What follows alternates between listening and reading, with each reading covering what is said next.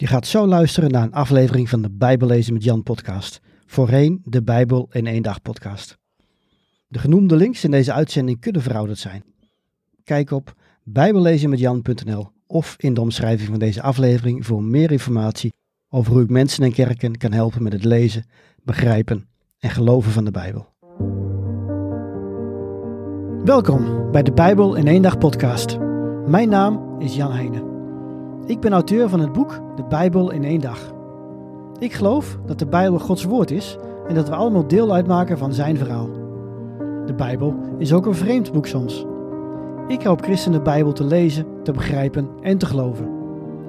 Op de Bijbel kun je het e-book De Bijbel in één dag gratis downloaden. Ook kun je de paperback bestellen of je inschrijven voor een van mijn cursussen of seminars.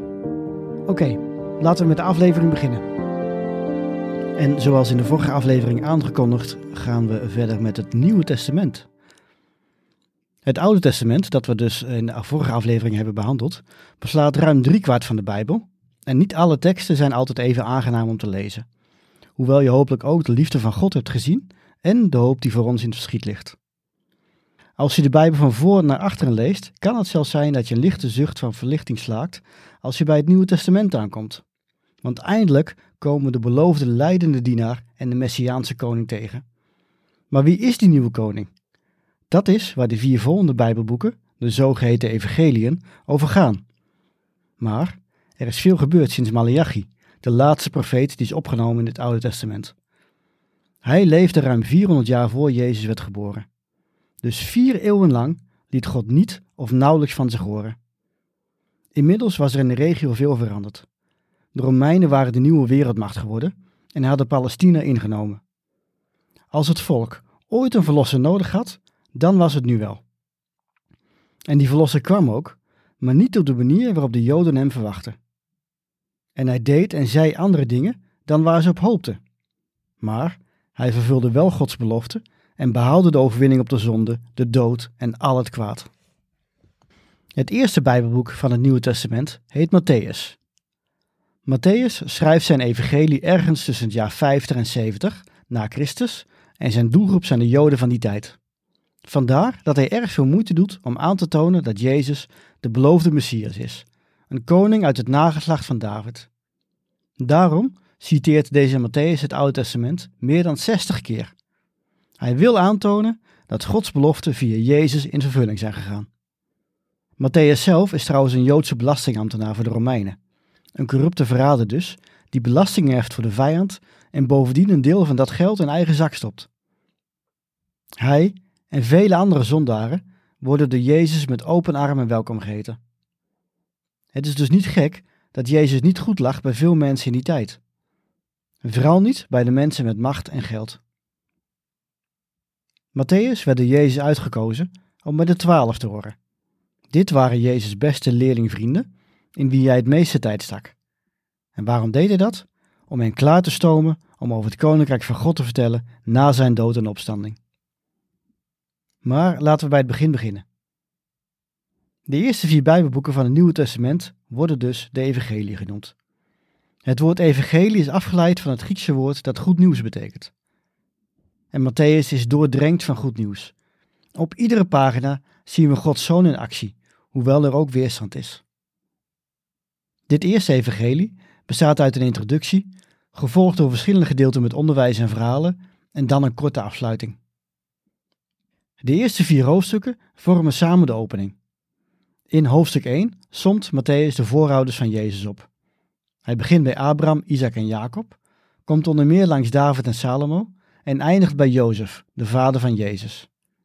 Dit lijkt voor ons wat saai om een hoofdstuk te beginnen, maar het is eigenlijk een hele slimme manier om de lijn van het Oude Testament door te trekken.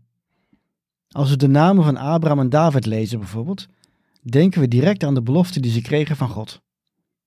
Hetzelfde geldt voor de andere namen van wie de verhalen in het Oude Testament uitgebreid of beknopt worden beschreven. Toch is vooral de connectie met David heel belangrijk, omdat God had beloofd dat de verlosser uit Davids nageslacht zou komen. Na deze stamboom gaat Matthäus verder met het geboorteverhaal van Jezus. Waar we dit verhaal straks in Lucas door de ogen van Maria bekijken, zien we nu vooral wat Jozef meemaakte. Hij komt er namelijk achter dat Maria, zijn verloofde, zwanger is. Er moet een engel aan te pas komen om Jozef te vertellen dat Maria geen overspel heeft gepleegd. Ze blijkt zwanger te zijn van Gods geest, precies zoals al aan de profeet Jezaja was voorspeld. Matthäus laat trouwens zien dat het verhaal van Jezus erg lijkt op het verhaal van Mozes. Want net zoals in Egypte de jongetjes gedood moesten worden, worden ook alle jongens van twee jaar en jonger in Bethlehem gedood. Waarom? Omdat de lokale gouverneur bang was voor de komst van een nieuwe koning. Een groep mannen uit het Verre Oosten, die een grote ster hadden gezien, hadden hem dit namelijk verteld. Een engel waarschuwt Jozef echter en hij vlucht tijdig met zijn gezin naar Egypte. Dus net als Mozes komt Jezus later terug uit Egypte. En zo zijn er nog wel meer overeenkomsten te vinden tussen het verhaal van Mozes en het verhaal van Jezus. In Matthäus 3 verschijnt opeens Jezus' neef op het toneel, Johannes de Doper. Hij is een profeet zoals Elia en roept de mensen op om zich te laten dopen. Daarmee wassen ze symbolisch hun zonde. Jezus is op dat moment nog niet gestorven en opgestaan, maar deze mensen verbinden zich toch al aan het offer dat Jezus later gaat brengen. Zelfs Jezus, die dus zonder zonde is, laat zich dopen door deze Johannes. Johannes protesteert nog, maar Jezus antwoordt zijn neef: Laat het nu maar gebeuren, want het is goed dat we op deze manier Gods gerechtigheid vervullen. Jezus hoeft niet te worden gedoopt, maar hij wil heel graag de wil van zijn hemelse vader doen. Jezus laat zich dopen uit gehoorzaamheid en geeft hiermee het goede voorbeeld voor zijn volgelingen.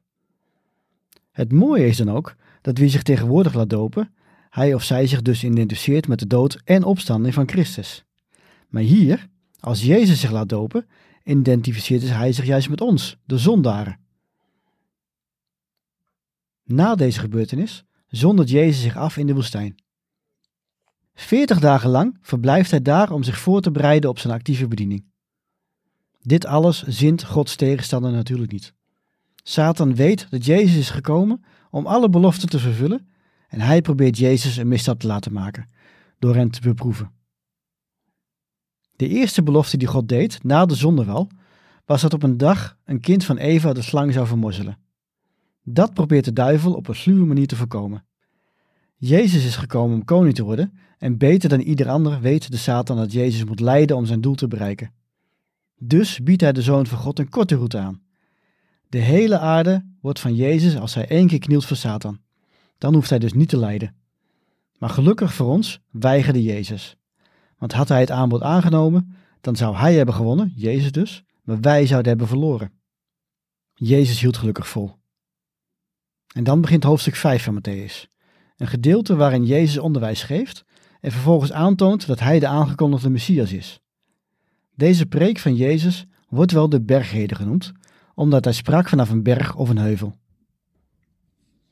Hier vertelt Jezus over het koninkrijk van de hemel. Matthäus is overigens de enige die spreekt over het koninkrijk van de hemel en niet over het koninkrijk van God. Dat komt omdat de Joden van die tijd het woord God uit respect voor de Heer liever niet gebruikten. Het koninkrijk dat Jezus beschrijft, heeft overduidelijk een ander karakter dan dat van aardse koninkrijken. Het zijn de mensen met een nederig hart die deel uitmaken van dit koninkrijk. De treurenden worden hierin getroost, de zachtmoedigen bezitten het land, de barmhartigen ontvangen goedheid en ga zo maar door. Jezus roept alle mensen op om zich te bekeren en hem te volgen. Maar dat betekent niet dat Jezus de wet aan de kant zet en ervoor in de plaats komt. Hij geeft aan dat hij juist de vervulling van de wet is. Hij is gekomen om het hart van mensen te veranderen. Vervolgens komen er negen korte verhalen waarin we Jezus aan het werk zien. Door het doen van wonderen bewijst hij dat hij werkelijk Gods zoon is. Verschillende mensen worden genezen of bevrijd van demonen. Hij kalmeert de storm en brengt zelfs een gestorven meisje terug tot leven. Tweemaal roept hij zijn toehoorders op om hem te volgen. En Matthäus beschrijft ook hoe hij zelf een volgeling wordt, terwijl hij dus notabene een corrupte belastingambtenaar en verrader van het volk is. De conclusie die je kunt trekken? Je kunt Jezus genade alleen ervaren als je in hem gelooft en zijn leerling wordt. Het is trouwens goed om je te realiseren dat Matthäus zijn boek niet in chronologische volgorde heeft geschreven. Wat het eerst wordt beschreven, is niet per se als eerste gebeurd. In het begin van zijn bediening deed Jezus zijn werk vooral alleen, al waren er steeds meer mensen die hem gingen volgen. Uiteindelijk koos hij twaalf mannen uit, onder wie Matthäus, die regelmatig met hem door de provincie Galilea trokken en later ook door Judea. Tussen die reizen door gingen ze gewoon naar huis. Maar het volgende gedeelte in Matthäus gaat over hoe Jezus deze twaalf mannen er in tweetalen op uitstuurt. Hij traint ze om zelf goed te doen, zelf te bidden voor genezing van mensen en zelf over het koninkrijk van de hemel te vertellen. Hij legt uit dat velen een boodschap zullen aannemen, maar dat de tegenstand en vervolging komt, met name vanuit de leiders. In deze hoofdstukken lezen we hoe de mensen reageren op Jezus en zijn radicale boodschap. Sommigen aanvaarden hem, anderen wijzen hem af. Bijzonder pijnlijk is het dat zijn eigen moeder, zijn broers en zelfs Johannes de Doper moeite hebben om in hem te geloven. Want Jezus gedraagt zich zo anders dan ze hadden verwacht. Tot zover de eerste helft van Matthäus. In de volgende aflevering gaan we verder met het restant.